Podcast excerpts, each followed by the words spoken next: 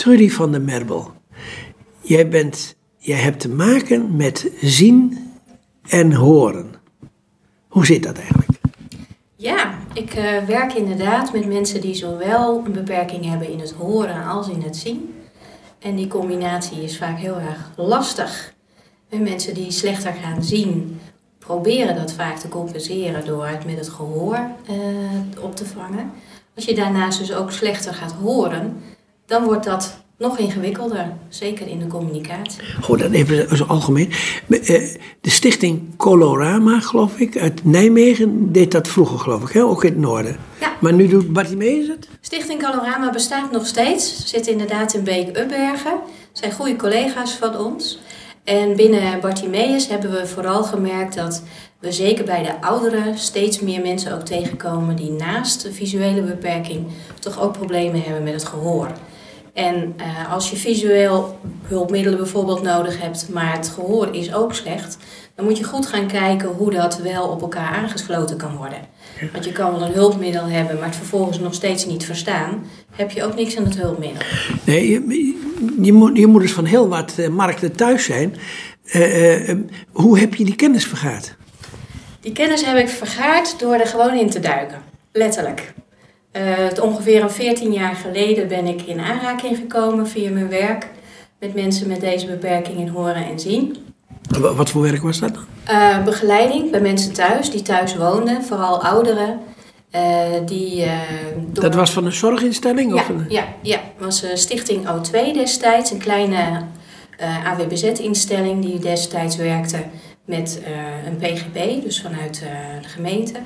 En we begeleiden mensen in de thuissituatie met allerhande vragen in het dagelijks leven. En zo ben ik er uh, ja, eigenlijk letterlijk mee ja, ingedoken. Maar dan moet je dat, dat ook extra ge geïnteresseerd hebben. Ja, ik vond het meteen heel erg interessant. En zeker ook de mensen die ik heb begeleid, die hebben mij daar ook zeker bij geholpen. Wat heb ik nou eigenlijk allemaal nodig? Waar moet ik allemaal op letten? Uh, wat is van belang? Waar lopen mensen tegenaan? Uh, een stuk onbegrip. Uh, Vooral ook hoe vermoeiend het is op het moment dat je geen compensatiemogelijkheden meer hebt. Ja, dat is eigenlijk uh, ervaring uh, leert en vervolgens natuurlijk informatie vergaren via je collega's. Ja, zullen we eerst eens even gaan kijken wat voor soorten combinaties hebben we nou eigenlijk?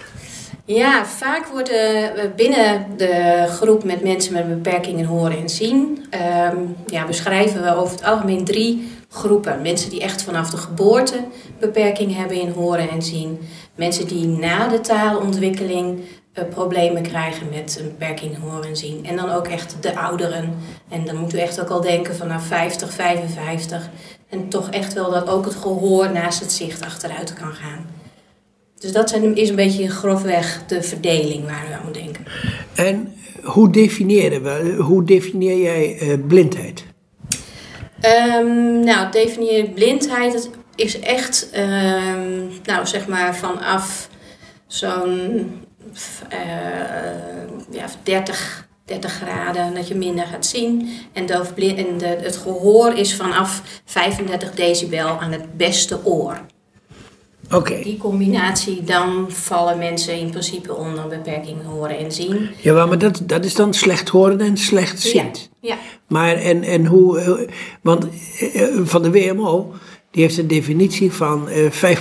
Dat, is een grens voor blindheid. Ja. Terwijl die mensen nog vaak nog, nog kunnen zien. Ja. En, en nog op het zien georiënteerd zijn. Ja, precies. En het is echt wel een beetje dat je met dat zien ook echt zo weinig kan dat je compensatiemogelijkheden echt moet gebruiken. Ja, nou ik zeg wel eens van, je moet eigenlijk zeggen van je bent blind als je namelijk je als een blinde gedraagt.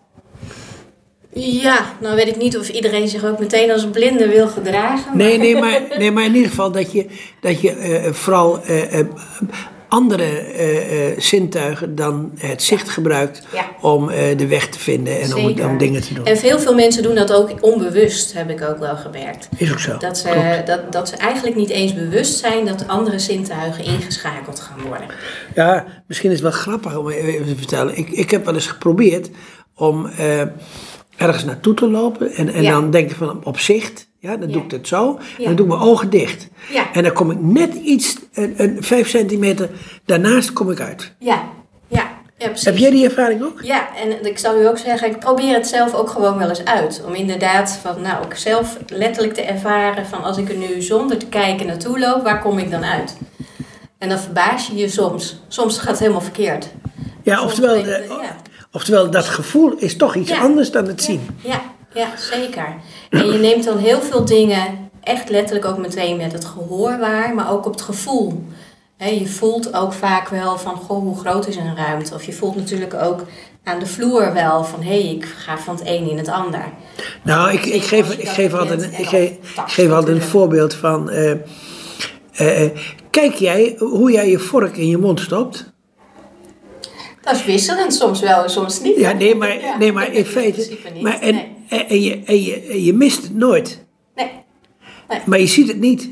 Nee, nee exact. Het, het zijn natuurlijk ook heel veel gewoontehandelingen ook. Ehm, ja, je hebt het al jaren zo gedaan. Het is een soort van ja, de, opgenomen in het dagelijks gebeuren. En dat Nou, gaat nou, te- terwijl namelijk, kijk, men, men denkt namelijk vaak dingen te zien, Ja. terwijl je het in feite op gevoel doet. Ja, klopt.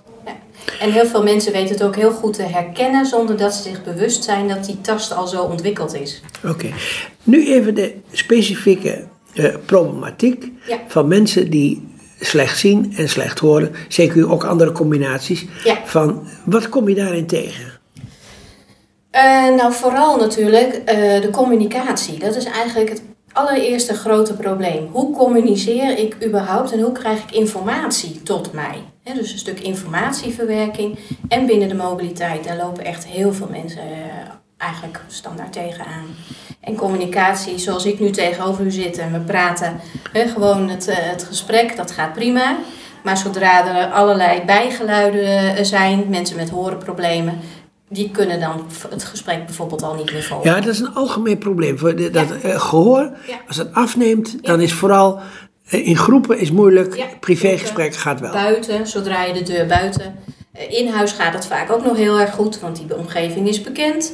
Maar zodra ze de deur uitstappen, dan beginnen de problemen al. Maar ook alle informatie die we natuurlijk krijgen aan eh, veelal het krant, maar ook het nieuws, de televisie, eh, een boek, ehm, de folders, verschillende poststukken die we allemaal krijgen.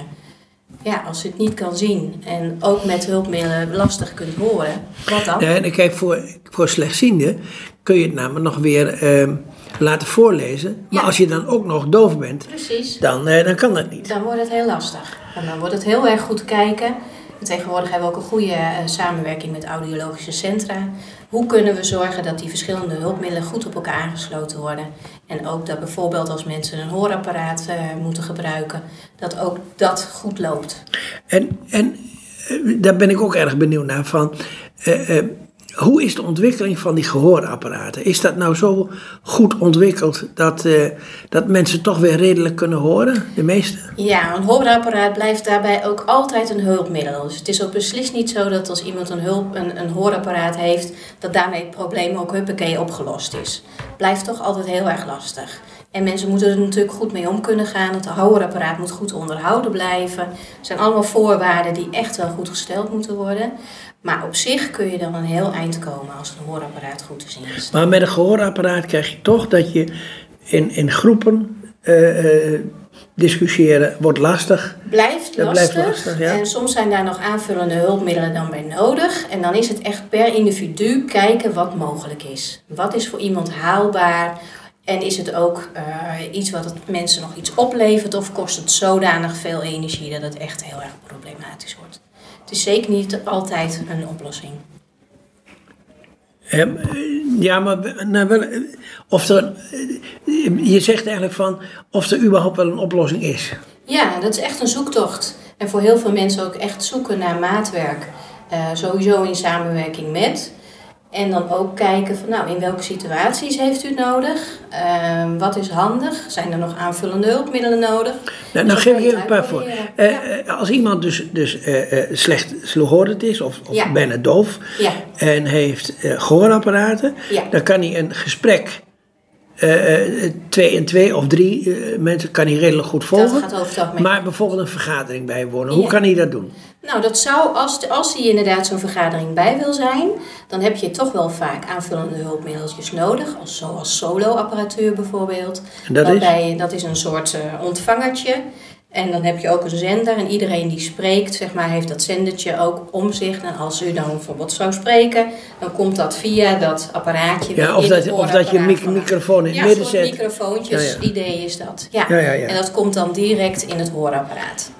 Ja, Oké, nou dat is een dat oplossing. kan helpend zijn. Ja. Maar is het nou zo dat eh, eh, die hulpmiddelen, gaan die zo ver en ook met eh, de implantaten, Ja, dus eh cochleaire, cochleaire implantaten.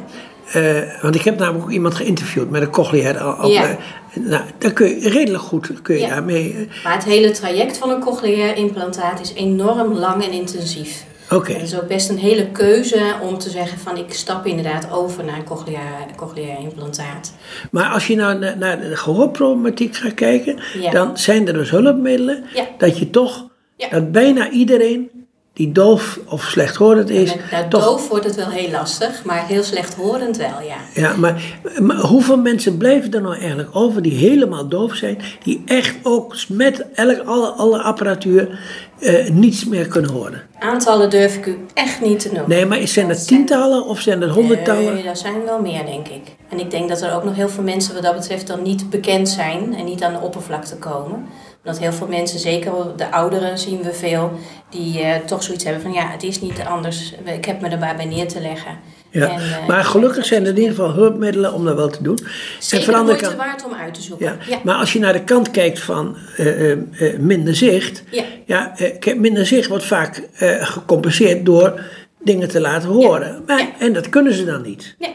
Dus dat betekent dat er dan andere middelen moeten zijn. En wat zijn die andere middelen die je dan ter beschikking Een, hebt? een voorbeeld eh, zou kunnen zijn, hè, op het moment dat mensen echt slecht horen en slecht zien, is te kijken van wat zijn alternatieven. En dan zijn er een aantal mogelijkheden.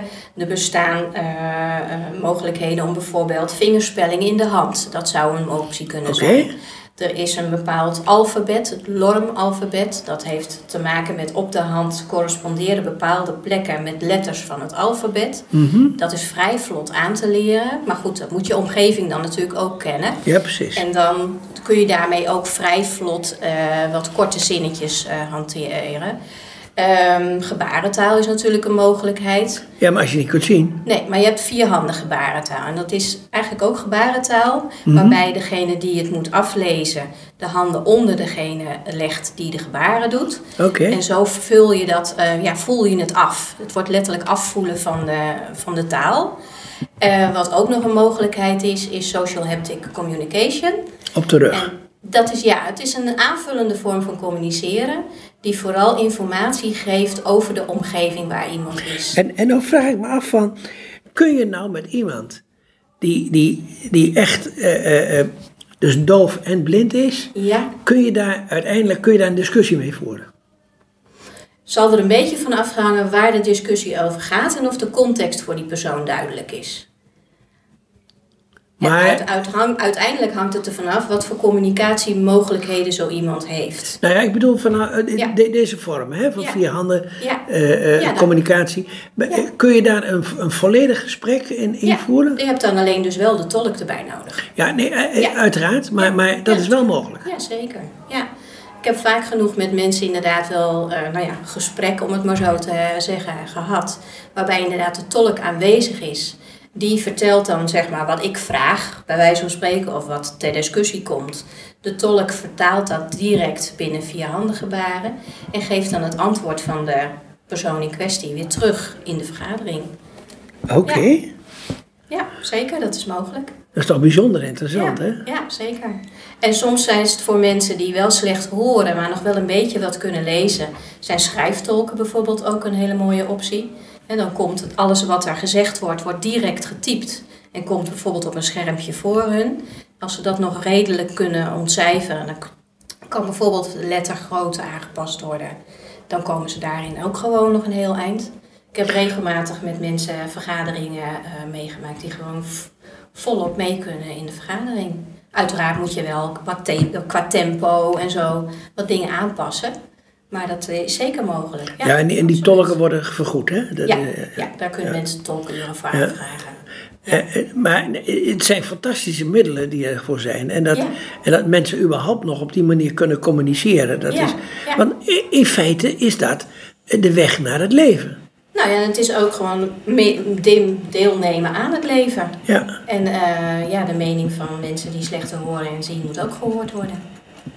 Die kunnen juist vanuit ervaring heel veel meer vertellen en waar we nog weer meer rekening mee kunnen houden, ook op professioneel vlak natuurlijk. nou en dat laten horen van deze mensen, Ja, daar ben jij een communicator in. ik hoop het. En zeker ook eh, ja, het meenemen in wat de mogelijkheden nog zijn en proberen uit te zoeken of daar mensen nog wat eh, mee willen ook. Want uiteindelijk ligt het natuurlijk wel bij de mensen, zij moeten er wel iets mee willen en kunnen en de energie ervoor op kunnen brengen. Oké, kun- energie is een groot probleem ook.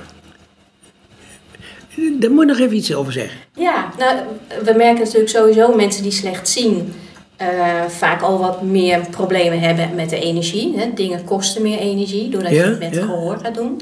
Op het moment dat er een dubbel zintuigelijke beperking is, heb je, nou, is het nog vermoeiender zeg maar, om met een gesprek mee te gaan, om in een discussie mee te gaan, om informatie tot je te kunnen nemen. Ja, Dus dat vraagt echt wel heel veel energie en maakt ook dat mensen echt wel keuzes maken. Dit doe ik wel en dit doe ik niet. laten we maar afsluiten dat we hier nog veel energie in kunnen steken. Zo is dat. En mag ik je hartelijk danken voor dit interview. Uiteraard, graag gedaan.